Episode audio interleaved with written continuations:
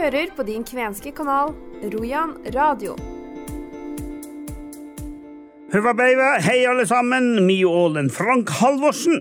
I den første sendinga i september kan jeg love dere masse saker fra hele vårt kvenske område.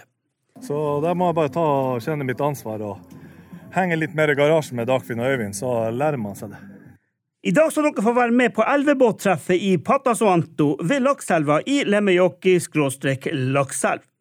Den dere hørte her, var Tom Rune Lindbekk, som ønsker å ta over stafettpinna som elvebåtbygger i Lakselv etter sine onkler Dagfinn og Øyvind.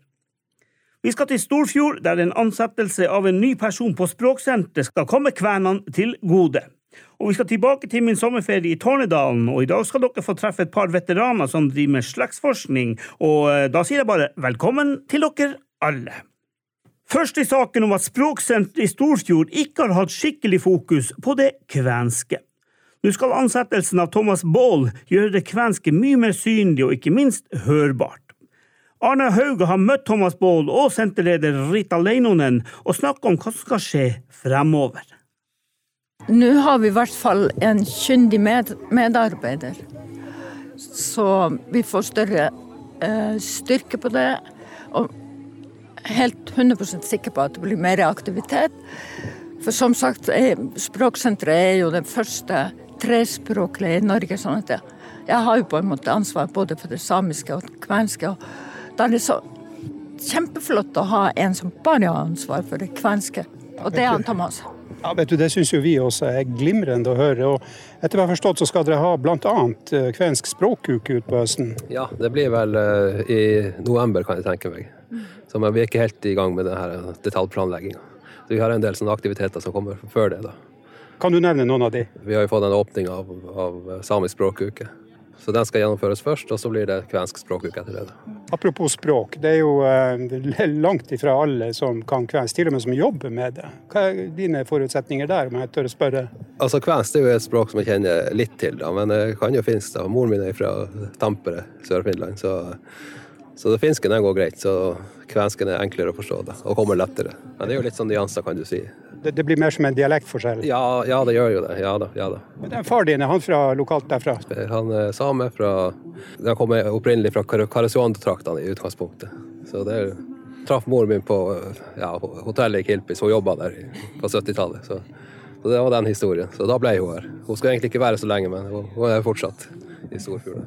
Jeg har hørt deg beskrevet som et ekte grensebarn? Ja, det stemmer vel det. Ja da. Så jeg har stort sett bodd her oppe i nord hele mitt liv, med noen få avbrekk. Så jeg kjenner litt, litt til. og trekulturell. Alle tre? Ja da. ja da.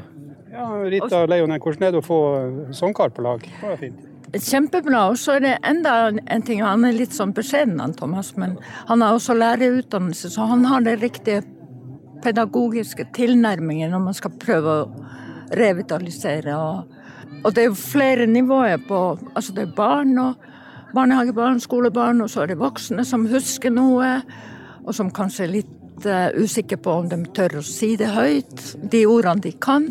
Men da er det viktig med pedagogisk kompetanse for å få fram det her. Alt i alt veldig bra. Få en Thomas som medarbeider. Skal jeg spørre litt dumt, når det ikke er spesielle ting som foregår, men det er liksom striskjorter og havrelefser og mandag og tirsdag og sånn, hva er hovedoppgavene dine? Det har vært noe, ja, Vi har hatt en del sånne aktiviteter kan som er knytta mot barn og unge. Men eh, det er egentlig kvensk språkarbeid som er altså kan du si, i korte trekk. Altså oversette ting òg? Ikke sånn, sånn, direkte, men det, det, kommer vel etter hvert. da. Altså, det er jo sånne lavterskelspråkaktiviteter. Språkspill og språkbingo. Altså sånn helt elementært for, å, for at folk skal ha en lav terskel til å starte med det. Men, men går dere også inn i barnehage og skole, sånn som de gjør f.eks. her i uh, Lemmejoki? Ja, det gjør vi. Vi har jo hatt litt sånn i forhold til barnehager. Og det syns jeg er veldig sånn interessant. De er engasjert, veldig engasjert. Og husker veldig godt det de har lært, kan du si. Det har bare vært på noen få, da. Og de er veldig sånn, de husker og de, de vet hva de skal gjennomføre neste gang, og sånne ting, så de er veldig på, kan du si. Og det, det er jo positivt, for da får de jo litt av språket altså i veldig ung alder. Og kanskje syns det, noen syns det er interessant, og de vil fortsette med det kan du si, på sko, barneskole og osv. Det er godt å høre at det er et ordentlig løft nå på, på det kvenske på eh, Storfjord språksenter. Og til slutt, der, når dere har lunsjpause, dere to i lag, det går vel i finsk? gjør Det Det går til finsk, ja. Men hvis vi er alle fire, for at det er to som jobber mest med det samiske, da går det på norsk. Fra Storfjord til Lakselv og elvebåttreffet der borte. Et stort antall skuelystne hadde tatt turen til Patasuanto ved bredden av lakseelva. Den kjente elvebåtbyggeren Øyvind Lindberg har sammen med broren Dagfinn bygd enda en elvebåt, denne gangen til et nært familiemedlem. Framtidas problem er å få noen til å overta båtbygginga når brødrene gir seg. Jeg og Øyvind tok nybåten i nærmere øyesyn. Vi står nå ved en Kadne 6,5. 672. 672. Det er, det er en båt dere har bygd i år. Det er furubord. Det er kommet fra Nord-Trøndelag, fra Grong. For det er nesten umulig å få tak i ordentlige bord eh, av, av høy kvalitet. Så de her bordene er egentlig skolet fra en stokk som var 30 ganger 30, som var beregna til kaia i Bergen. Senvokst furu med meget høy kvalitet. Den her har vi med kobbersøm, klinkende med kobbersøm. Det er litt sånn eksklusivt. Men, ja, det er eksklusivt, det ser jeg det der, men dere har faktisk ikke bygd en sånn klassisk gammelbåt. Dere har bygd en robåt, kaller jeg det for, en fiskebåt. Men det er en stakebåt også, sier du? Selv om det er ja, motor på den? Det her har vi, det er en kombinasjonsbåt, kan vi si. Det er beregna både til spesielt godt egnet til staking, men også til roing. For at denne elva er jo litt sånn mer stake, stake ja. og så lenger opp i elva er det mer til roing, så han skal kombinere den. Og så har vi smala den litt i baugen og akteren. Den skal gå flyte godt i vannet. Lett, lett den på båra. Den er ganske flat i bunnen, da? Ja, den er ganske flat. ja.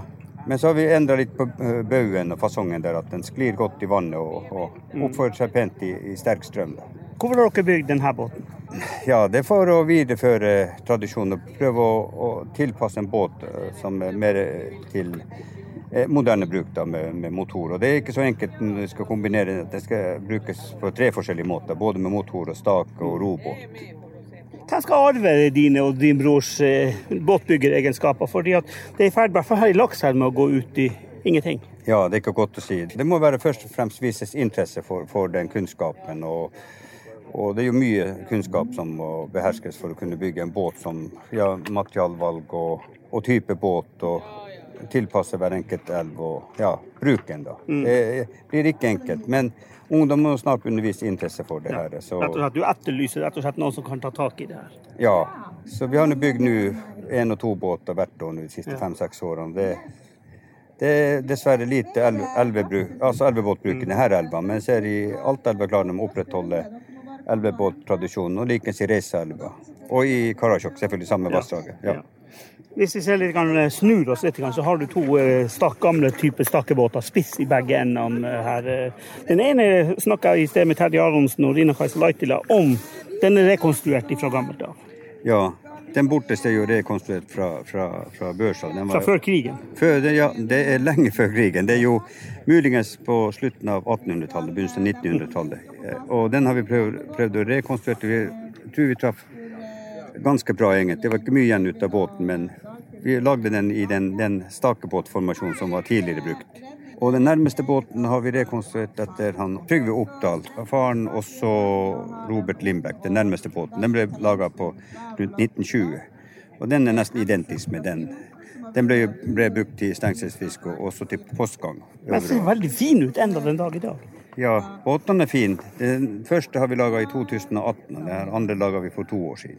Båtene er fine. Det var spennende for deg og bror din å begynne med noe som var fra 1800-tallet. Rekonstruksjon. Ja, det var ikke så enkelt, for vi vet jo hvordan båten ser ut og hvordan den skal bygges. Men å få laga en, en, en, en, identisk kopi er jo nesten egentlig umulig, for alle har jo hver sin måte å lage båt på. Og så finner de emnene i skogen. Det er heller ikke enkelt. Ingen trær som er likens, som jeg har sett hittil. Er dere slutta å bygge båter? Er, dere, er, den siste båten bygd, den som vi står ved siden av her nå? Nei, vi har tre båter i bestilling, så okay. vi har problemer med tida. Til, til, ja. tida. Når må du være ferdig til neste sesong? De heldigvis en av dem får en båt til neste år. Det er ikke noe økonomi det her, det er av egen interesse. Og vi bruker veldig lang tid på de båtene. Vi legger litt mer sjel i den. Det er ikke noe masseproduksjon. Vi, vil, vi ønsker at båten skal vare for den som får den. da i to generasjoner i hvert fall. Og denne båten har vi smurt inn med egen, egen oppskrift på, på sm sm smoling. ut av Vil du røpe oppskrifta til oss som har elvebåter, som vi lurer på hvert år hva vi skal gjøre? Ja, det koster jo selvfølgelig det.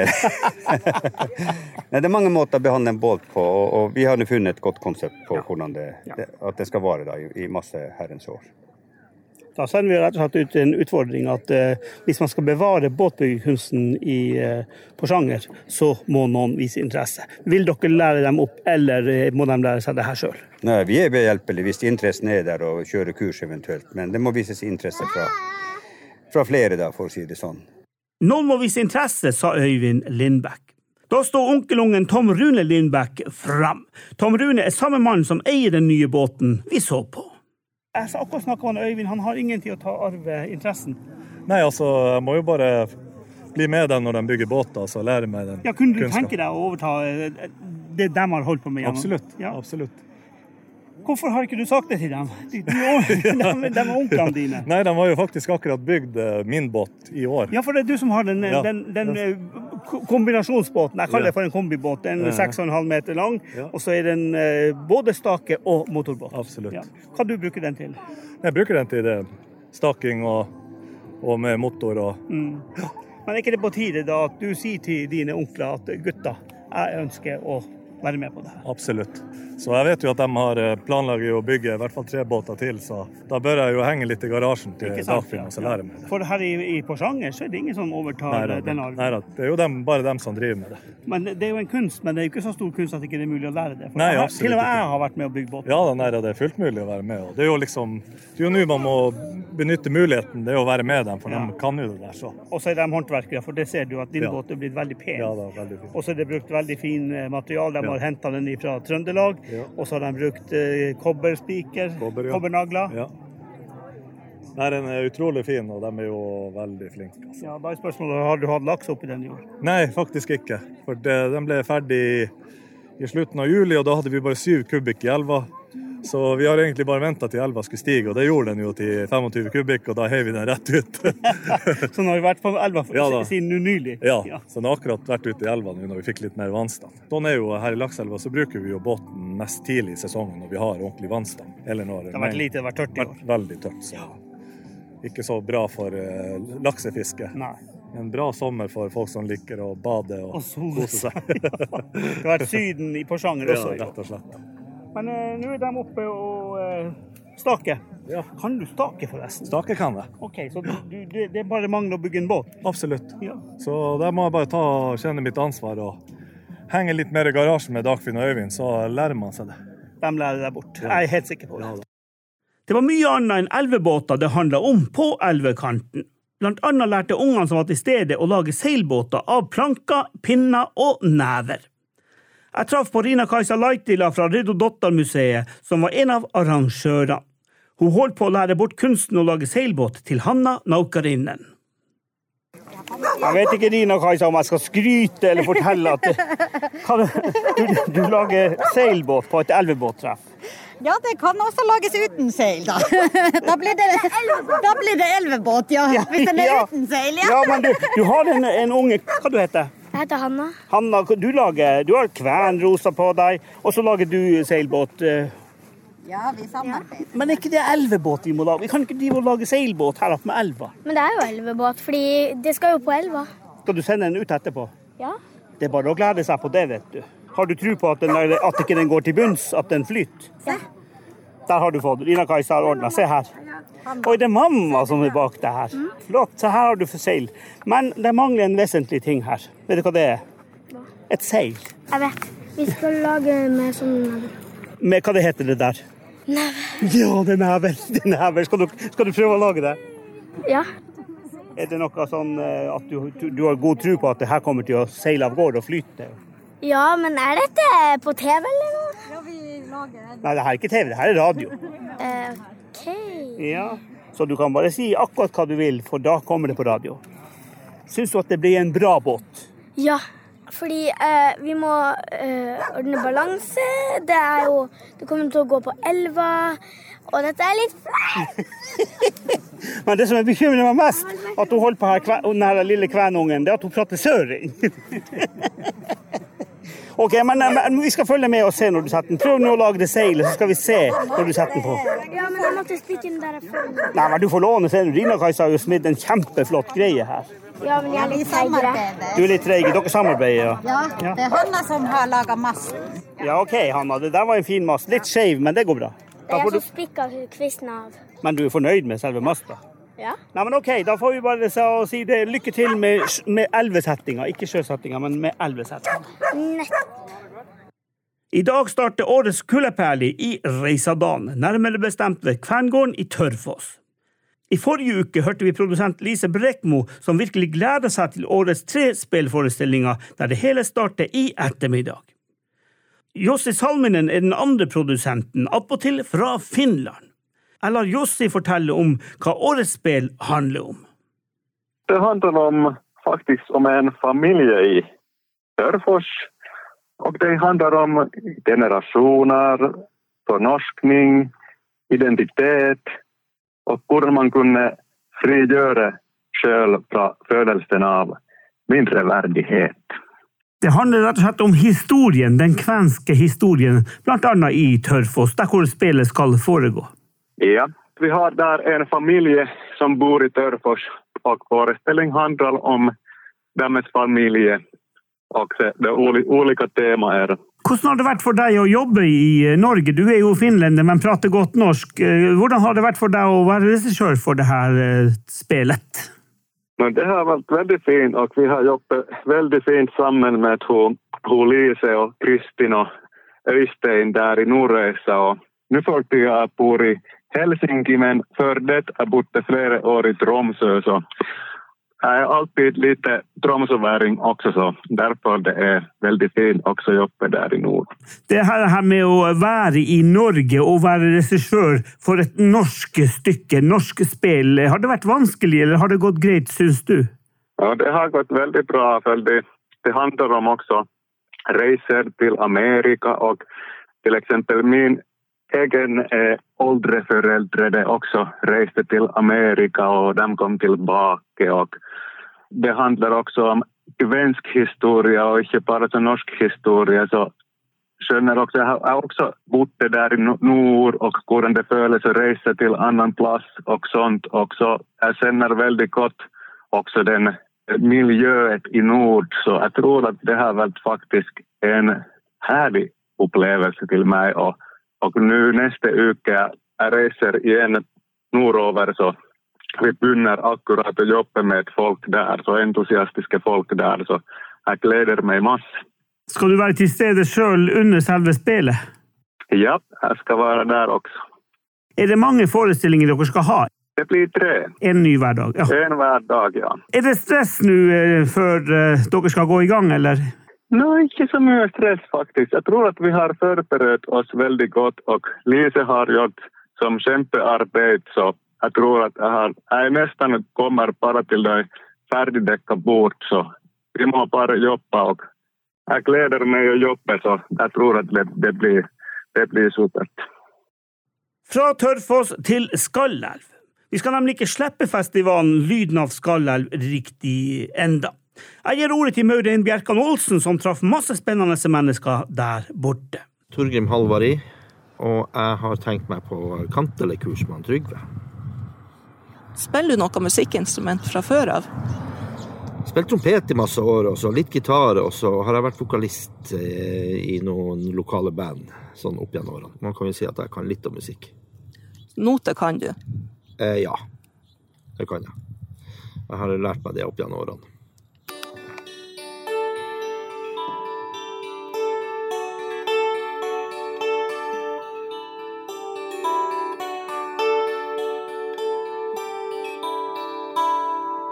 Ja, Den lyden du hørte nå, det er jo en gantre som ble lagd ferdig i går. Så den er helt fersk. Ja, ja, med et lokk av Pasvik furu. Og med en kropp, en sarg, av Pasvik bjørk. Og den er laga av eh, instrumentmaker Stig Ørjan Knutsen. Ja. Så det er stas. Vi har med to helt ferske gantrer. Også den der, det er en annen modell. Der ser du der han bruker noen andre treslag. Der er ask og gran i toppen. Jeg heter Trygve Bedaré, jeg er fra Pasvikdalen og er musiker.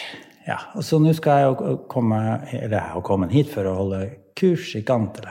Gantele, hva er nå gantele for noe? Det er jo ikke alle som vet det. Nå fikk dere høre lyden.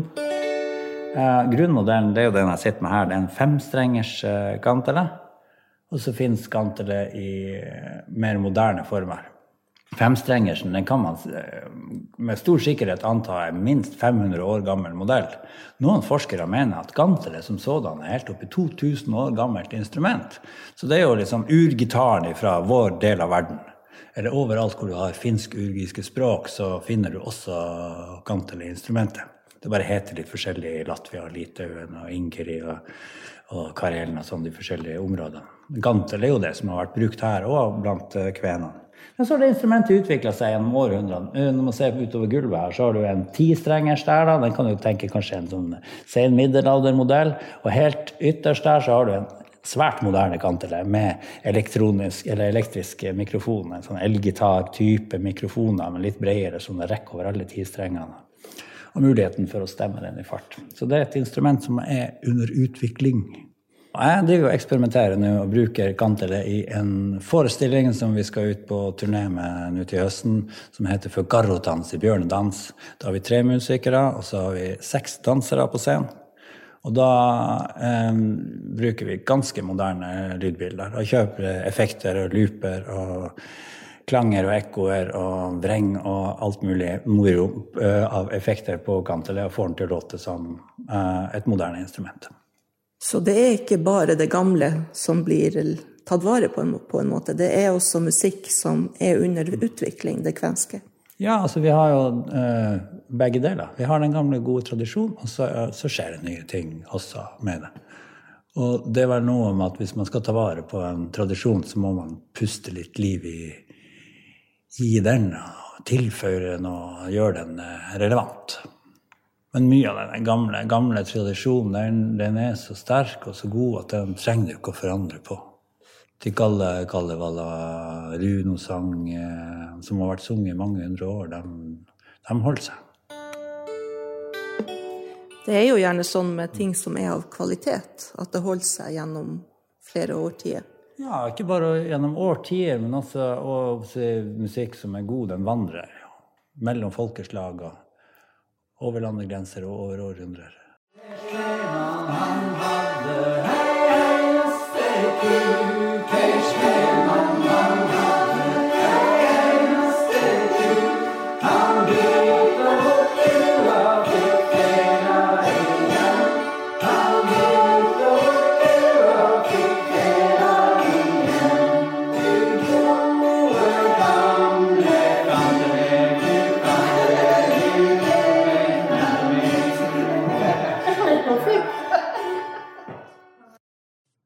sommer blir det arrangert kvernfestival i Vadsø.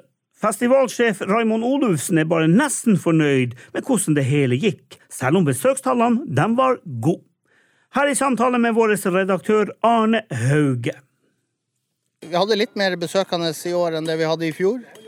Skulle jo selvfølgelig ha sett at eh, noen av de kursene vi satte opp, eh, kanskje hadde flere deltakere. Men alt i alt så hadde vi eh, økning på de fleste tilstelningene. Sånn som eh, sauna og grilling i Ytrebyfjæra. Den var mer enn dobbelt så mye publikum i år som i fjor. Så den ser vi. Den, akkurat den, den, aktiviteten der, den har begynt å, å rulle. Og hun, vi hadde jo også den forfattersamtalen med Ingeborg Arvola på åpningsdagen. Og Der hadde vi jo 100 publikummere. Eh, og det er jo også nesten ny rekord der på biblioteket på eh, sånn forfattersamtaler i det hele tatt. Så det er vi veldig fornøyd med. Skulle ønske at det var litt flere mennesker på jazzkonserten med Hallgeir Pedersen. Han spilte jo helt fantastisk, og det er jo første konserten han har hatt eh, på et halvår i hvert fall, tror jeg. Det var knall. Og vi hadde jo Petter Pogo og søstera Ragnhild Margrethe Taranger Krüger de både opptredde, og Ragnhild hun var jo også med og hadde galleri på Store Studio i, eh, på museet. Og fikk solgt noen bilder, gjorde hun. Eh, men Petter Pogo og Ragnhild de hadde jo også et musikalsk eh, nummer på fredagen på Kooperativet. Som ble tatt veldig godt imot. da. Andre ting som jeg vil trekke frem, som jeg, som jeg ser på som en suksess, det var jo de her klubbkveldene de har begynt å bli veldig sånn koselige. Folk har begynt å se at det her er, er artig og trivelig å, å møtes i, innunder. Er det noen som tør på de klubbkveldene å prate litt uh, hjertespråket?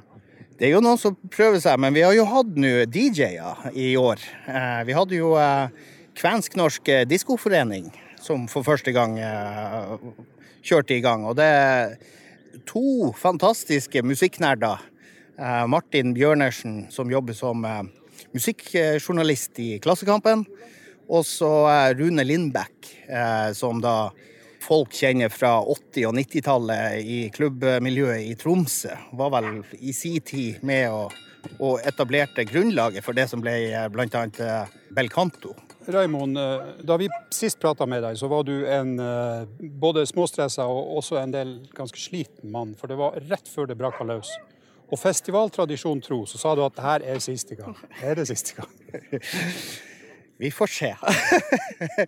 jeg, har, jeg, har, et lite ønske om å eh, trekke meg litt eh, Få litt yngre krefter inn eh, på festivalsida. Men hvis, til neste år så er det jo femårsjubileum.